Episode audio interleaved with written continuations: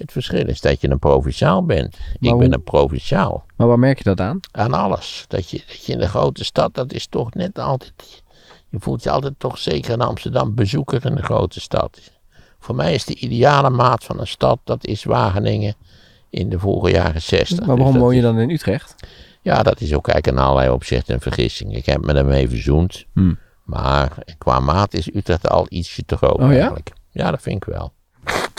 Bent u snotterig? Blijf thuis. Het verlossen, kunt u mij horen? Ja, wie weet of we Trump weer terugkrijgen. Daar begint het langzamerhand wel eh, ongelukkigerwijs naar uit te zien. Hoezo?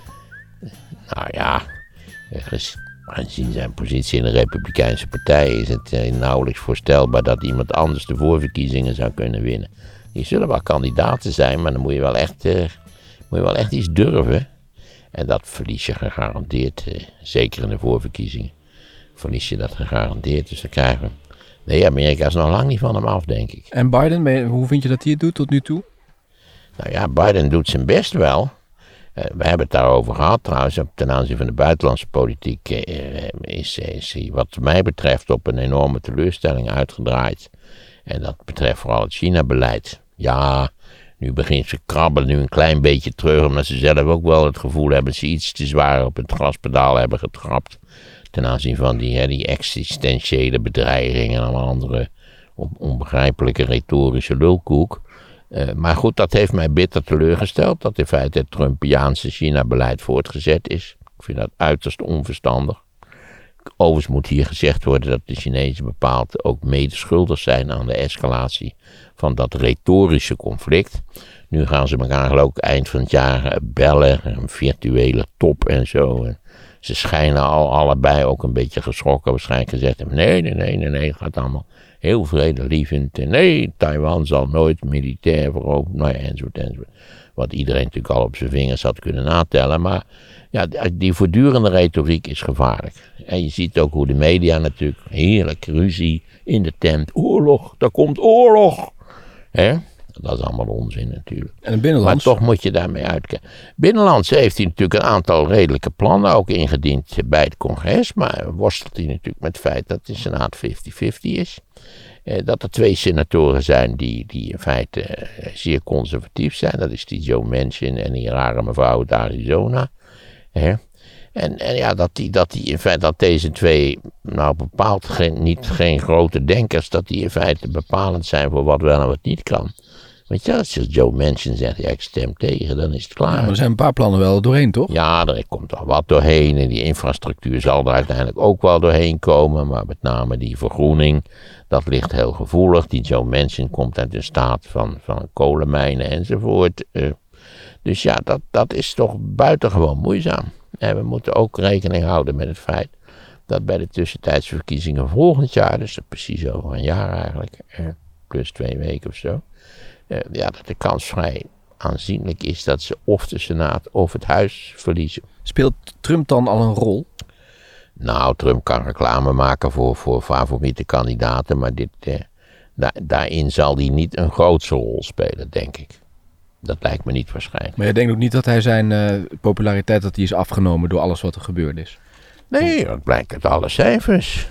Ja, dat zijn gewoon dik, meer dan 30% van de Amerikanen denkt tot op de dag van vandaag. Dat het gestolen is. Maar ja, heel onhandig dat je je neus wil snuiten terwijl je nog aan die microfoon vasthoudt. Ik heb laatst van die standaardjes gekocht, maar dat is Ja, hier een nee, beetje lastig op te zetten. aan vast. eh, Ja, dat gaat niet.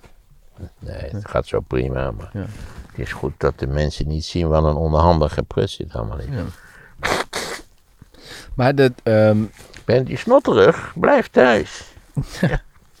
dat zegt eh, Rutte ook nog steeds, hè? Ja, kennelijk is hij nooit snotterig. Hè? Ik spreek hem nog nader als hij bejaard is en als hij elke dag snotterig is. En toch de deur uit wil om uit te leggen over 30 jaar hoe wat een fantastische minister-president die wel niet geweest is. Maar je hebt Gommers, eh, heb je, die heeft jou gezegd... Daarom, van- Gommers heeft mij gevrijwaard voor Ja. al te grote kritiek. Ja, ja, maar jij denkt niet dat kapitoolbestorming en die mensen die nu spijt hebben, want die worden nu allemaal vervolgd, dat die denken, nou die Trump, dat moeten we misschien toch meer doen. Integendeel, zij zullen dat, de, de, de- de bestormers en degenen die daarmee sympathiseren, die zien dat allemaal als nou, typisch voor de democraten. Ja. Dat zijn landverraders. En, en als het de democraten niet is, is het wel de deep state. Dat Die bestaan ook grotendeels uit landverraders. Die, Ja. maar Wij zijn in feite de dragers van de ware Amerikaanse gedachten.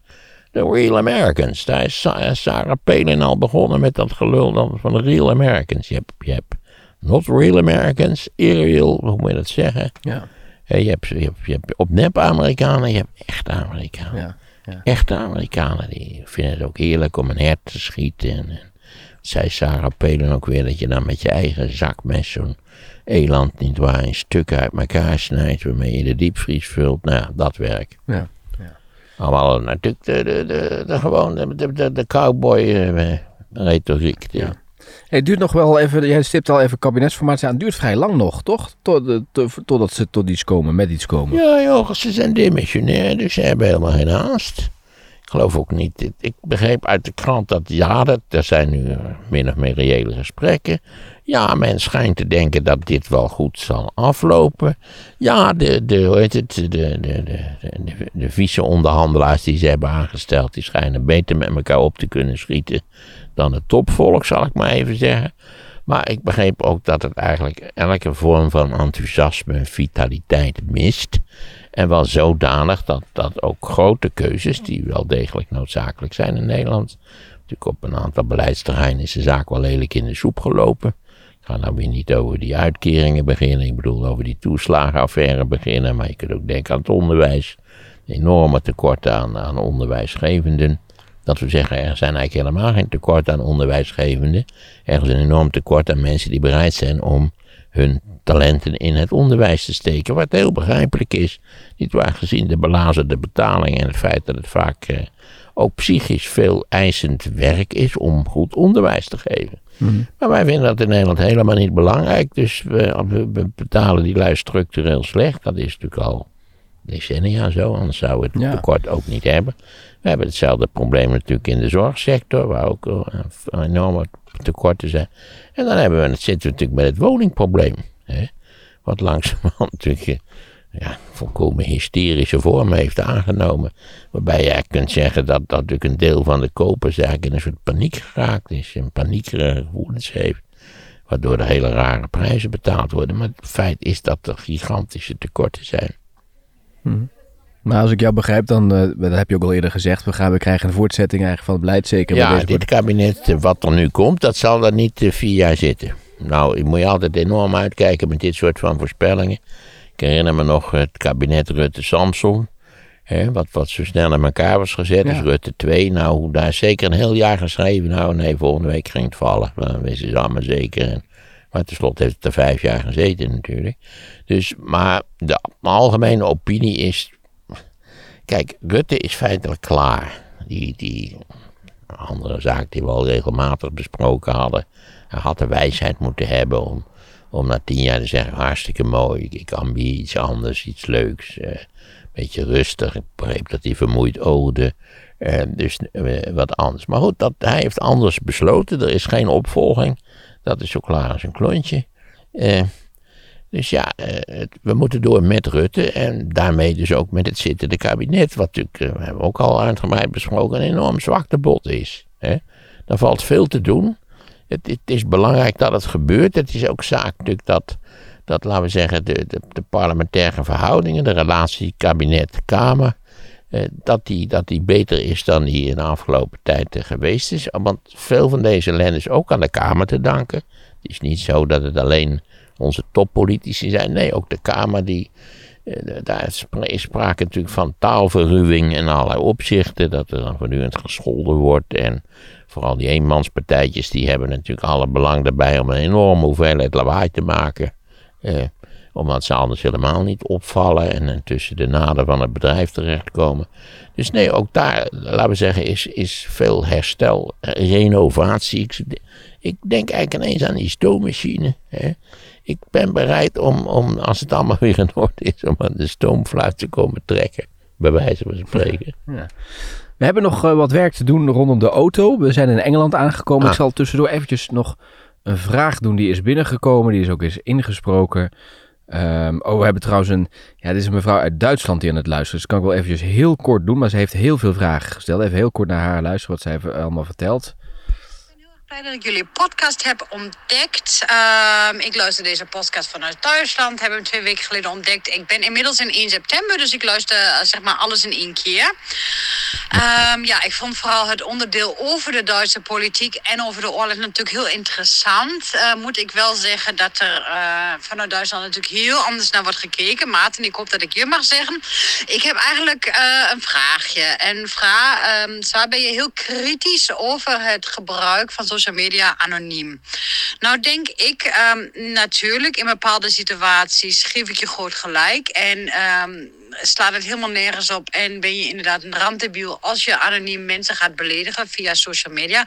Aan de andere kant denk ik dat juist in landen waar regimes zijn die heel erg onderdrukken. Ik denk aan Rusland. Ik denk ook nu aan Afghanistan. Ik denk aan de Arabische lente.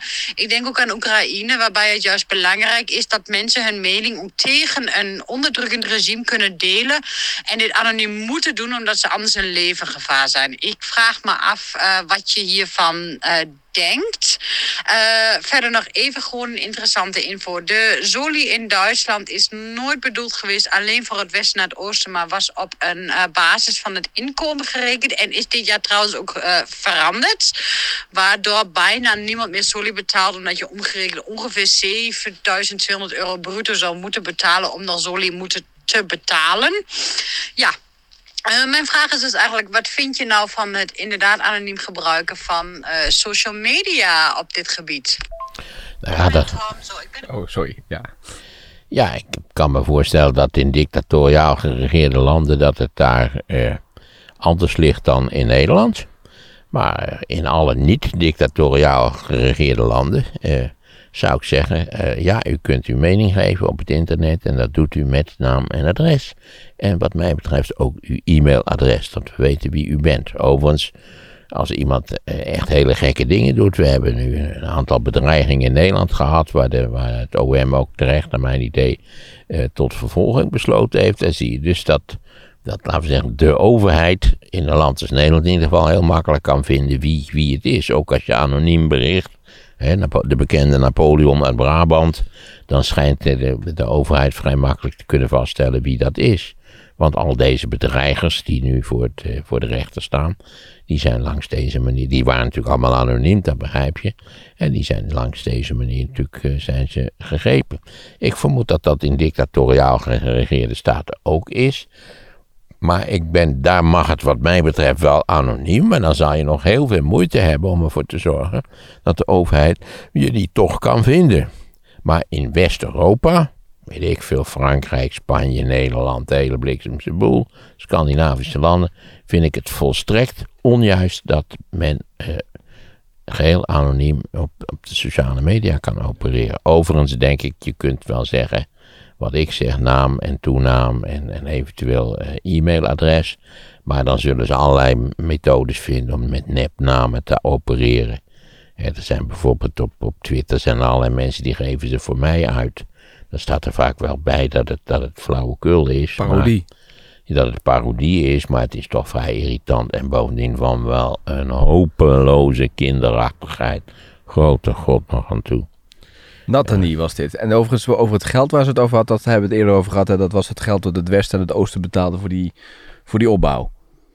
Ah, nou ja, volgens mij heb ik dat dan wel uitgelegd. Ja. De, de, de, deze tussenneuzenlippen door noemden ze dat. Ja, ja, ja, precies. Maar ja, het oosten, daar wordt nog steeds minder verdiend dan in het westen. Maar de kosten van levensonderhoud zijn ook navenant lager in het oosten dan in het westen. He, dat zo goed als je in Nederland natuurlijk grote verschillen hebt, ook in kosten van levensonderhoud. Dus wat dat betreft, wat in, in Oost-Duitsland speelt, is veel meer ressentiment. Vage emoties, dat ze niet gelukkig zijn, ontevreden zijn.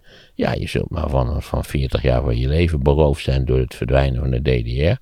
Kan ik me allemaal iets bij voorstellen. Overigens, daar vorderen de onderhandelingen over het nieuw kabinet ja. uh, vrij redelijk. De stoplichtcoalitie, dus dat is SPD, FDP en de Groenen. Dat is dus groen, geel en rood. Ja, dus de partij van Merkel ja, gaat niet zo'n meer ampelcoalitie, ja. zoals dat in Duitsland heet. En daar hebben ze een, al een, een startpunt, een, een document eh, gezamenlijk opgesteld... Eh, op basis waarvan ze gaan onderhandelen, waar toch wel een aantal vrij frappante dingen in stonden, waar ik bijvoorbeeld niet helemaal niet gelukkig mee was. Zoals? Eh, dat ze het kiesrecht willen verlagen tot de leeftijd van 16 jaar. Daar ben ik een falikante tegenstander van. Ik vind 18 jaar ook eh, te jong. Eh, vroeger was het 23, dat is misschien. Maar ik ben wel voor dat het veranderen naar. Ik begrijp ook wel waarom het 18 was geworden. Omdat de wet voorschrijft dat je op je 18e volwassen wordt, dus alleen. Maar 16 ben ik sowieso tegen en ik zou eerder voor verhoging voor de leeftijd zijn dan voor verlaging. En bovendien begreep ik dat op verzoek van de FDP ook het voorstel van de Groenen om die idiote hardrijerij in Duitsland te bestrijden, dat dat ook al gesneuveld is. Duitsers willen graag 200 kunnen rijden. In al hun idiote Duitse auto's die daar speciaal voor zijn toegerust met gigantische motoren. En kijk eens naar de, de remmen die je nodig hebt om deze auto's nog enigszins veilig tot stilstand te kunnen brengen. En deze super geweldige Duitse industrie met al die gigantische dure auto's, nietwaar, heeft in eerste instantie de boot van de elektrische auto totaal gemist. Hè? Heeft zich door Tesla notabene, die ook niet altijd even netjes assembleert, maar heeft zich door Tesla niet waar, het, de, het, de kaas van het brood laten eten. Dat blijft toch wel een hele pijnlijke affaire. Ja. En, en nu heb je een hele reeks van Koreaanse fabrikanten die ook toch eh, heel goed scoren in het cementsegment van de toekomst. De Mini. Zou, We zouden het over de mini hebben. Hoe- Ja, ik moet namelijk straks naar de kapper, dus we moeten, kunnen ook niet... eh, Het is nu drie uur.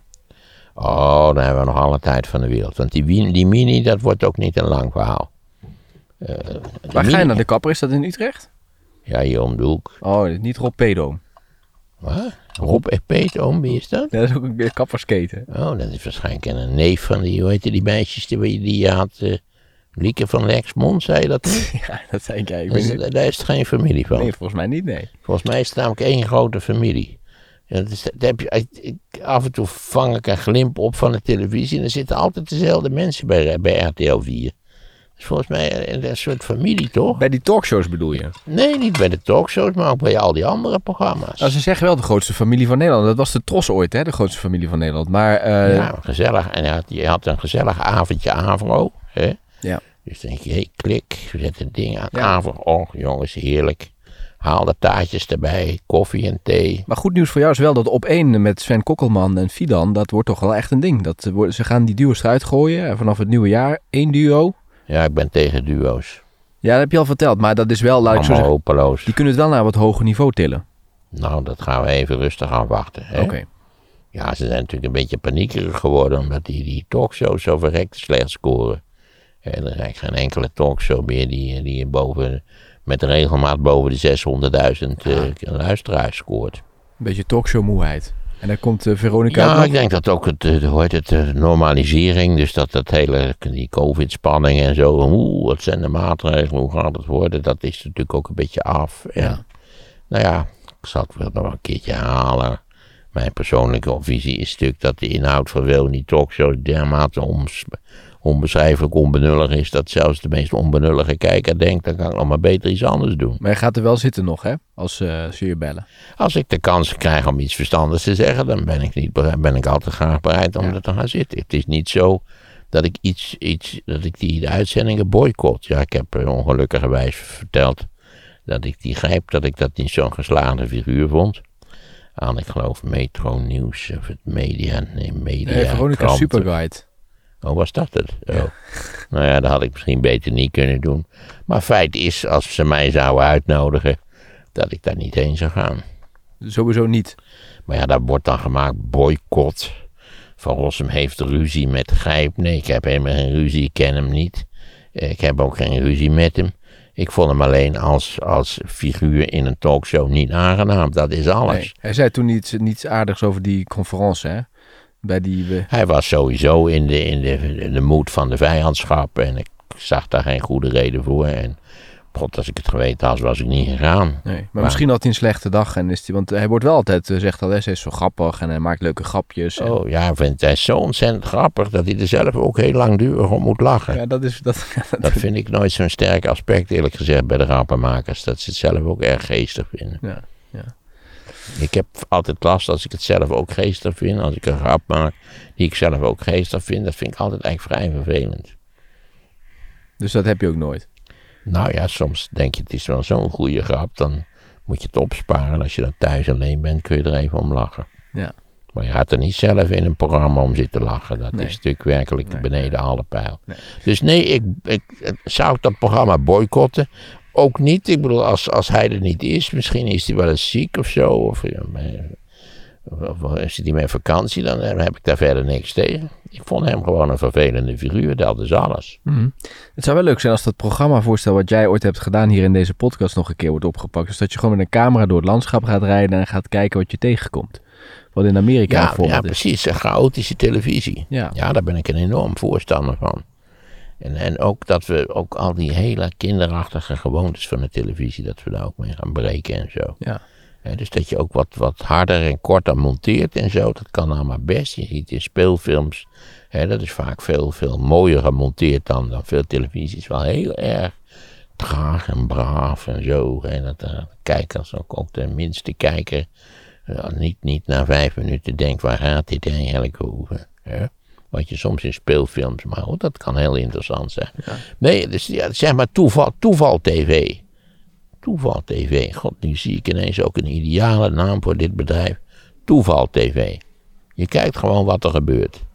Ik weet hoe vaak ik in Amerika, als we daar dan op pad waren om iets te gaan filmen. En dan kom je iets tegen en dan denk je, het is toch zonde dat we hier niet kunnen stoppen. Eh, of, of met die mensen in gesprek kunnen gaan. Of dat we over dit zonderlinge fenomeen toch even 15. Maar ja, daar is dan geen tijd voor. Ja. Er is bij een regionale omroep zo'n zo'n format. Maar daar wordt wel in geknipt na afloop nog. Dus dat moet wel tot een half uur teruggebracht worden dan. Ik zag laatst dat er zoiets bestaat als, eh hoe heet het, eh, is dat 911? Nee, bij ons is het niet 911. eh, 112. Het is 112 TV. Ja.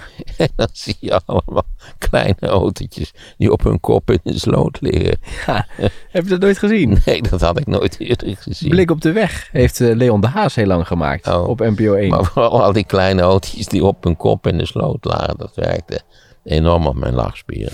En dan hadden we, we hebben het Stadskanaal, heb jij, de naam heb jij uitgelegd. En daar kwam Jelmer Westra toch nog eventjes eh, op terug. Die zegt namelijk Stadskanaal betekent zoveel als het kanaal naar de stad Groningen. Dat klopt. Eh, hier slaat stad dus niet op eh, door lelijkheid aantrekkelijke stadskanaal, maar op de stad Groningen en het kanaal daar naartoe.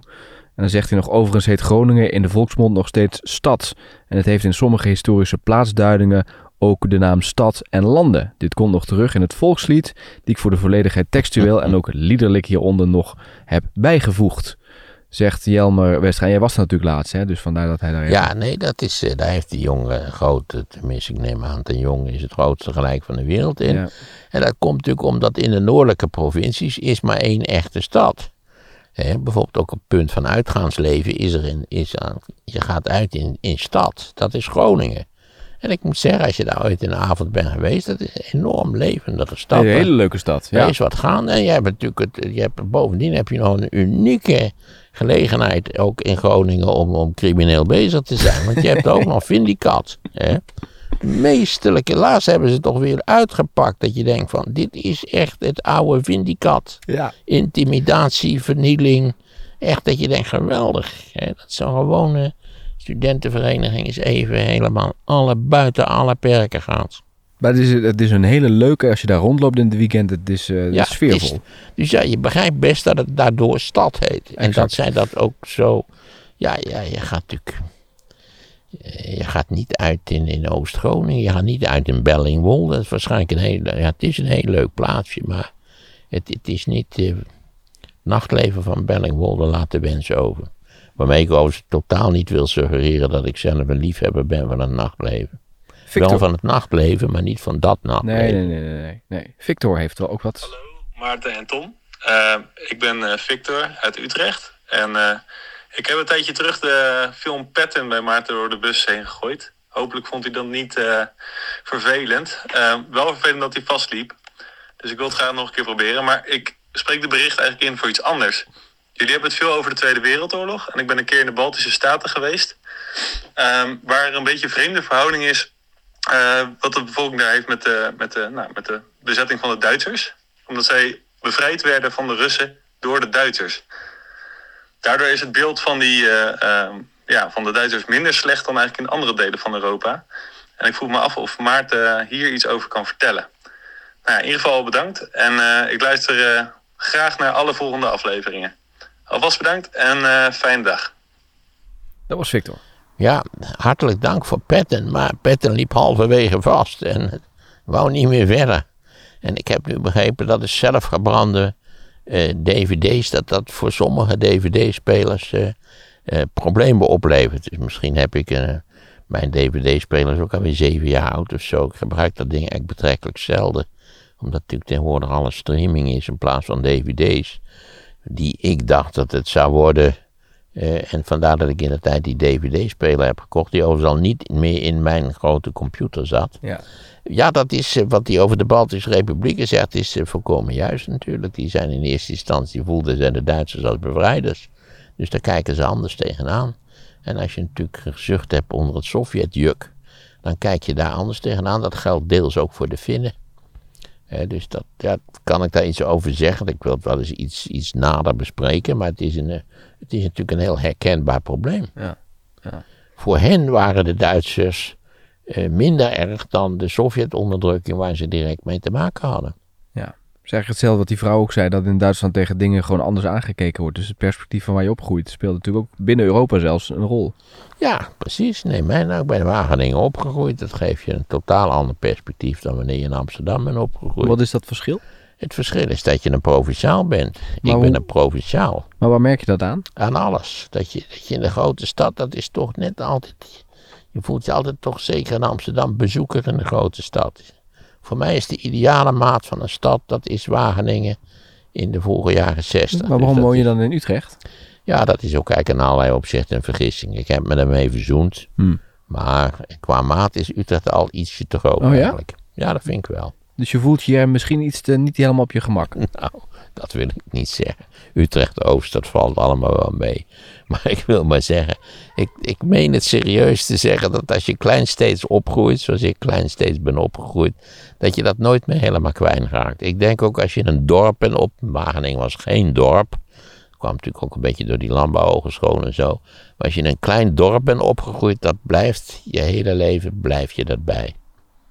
En Amsterdammers die weet dat, dat nou ja, dat die, die hebben zelf ook de overtuiging dat er natuurlijk maar één plek in de wereld is waar je, waar je een behoorlijk mens kunt worden, namelijk in Amsterdam. Ja, ja. Even kijken, wat hebben we dan hier nog? Eh, dit is Marcello, die heeft, spreekt ook wat in. Ja, hoi Maarten. Hartstikke leuk. Ik luister iedere zaterdag naar de podcast met veel plezier. Ik loop wat achter, dus ik reageer nu op de Tweede Wereldoorlog. Eh, wat me wel weer verbaasde was dat er veel aandacht was voor operatie Market Garden. Maar toch, grappigerwijs ook in jouw podcast, wederom deed je mee met alle andere historici door te weinig aandacht te geven aan, ja, toch wel een hot sch- de strijd aan de Schelde de, het vrijmaken door de Canadezen en de Britten van de Westerschelde ten behoeve van de haven. Een ongelooflijk belangrijk stuk historie in de Tweede Wereldoorlog. Wat minstens zo belangrijk is als operatie Market Garden, die trouwens wel mislukt is. En de slag om de Schelde is wel gelukt. Ik ben naar de film geweest. Ik heb het museum gezien. Ik heb het boek gekocht. En als eh geschiedenisdebiel eh, ben ik ook sinds twee jaar eigenlijk pas op de hoogte van deze ongelofelijke zware strijd. Maar ik vind het toch wel opmerkelijk dat je daar ook eigenlijk in één zin eh, aan voorbij bent gegaan. Ja, nou, het gaat nog een heel verhaal, maar dit- Ja, dat, is- dat- ik kan me dat wel enigszins voorstellen. Dat de slag om de Schelde überhaupt noodzakelijk was en zulke aanzienlijke afmetingen heeft aangenomen, lag aan het feit dat Montgomery voor Market Garden had gekozen. Wat hij zag als een. hè, achteraf is hij daar ook wel op teruggekomen. Zegt, ja, dat heb ik toch uiteindelijk niet goed gezien. Omdat, ik, ik weet niet, ik geloof dat de, Engelse, eerste Engelse panzerdivisie eh, Antwerpen binnenrijdt. Dat is begin september. En, en toen hadden ze door moeten pakken, omdat ze dat ze hebben dat laten sloffen. Dat is het, de foutjes die Montgomery gemaakt heeft. Eh Eisenhower gaf zijn ondercommandanten heel veel vrijheid in de uitvoering van, van diverse operaties. Eh, want daardoor kon het zevende Duitse leger, wat zich op de zuidelijke oever van de Schelde bevond, dat kon naar de noordelijke oever met als gevolg dat het, eh, anders was het als het ware afgesloten geweest. Dan was het, was het geïsoleerd geraakt. En nu was dat niet zo. Ze hebben daar veel te lang mee getreuzeld. Ze hadden eigenlijk, toen de Engelsen in Antwerpen arriveerden met hun panzerdivisies, door moeten pakken. Ze hadden dus ook die, die isthmus van Zuid-Beveland en zo, dat hadden ze af moeten sluiten. Zij zeiden, ja, dat, is, dat, eh, dat mogen zo zijn, maar we, we waren moe en uitgeput en logistiek lag het hartstikke gecompliceerd, maar hier zijn toch aanzienlijke fouten gemaakt, waardoor die slag om de Schelde een zo omvangrijke militaire operatie is geworden.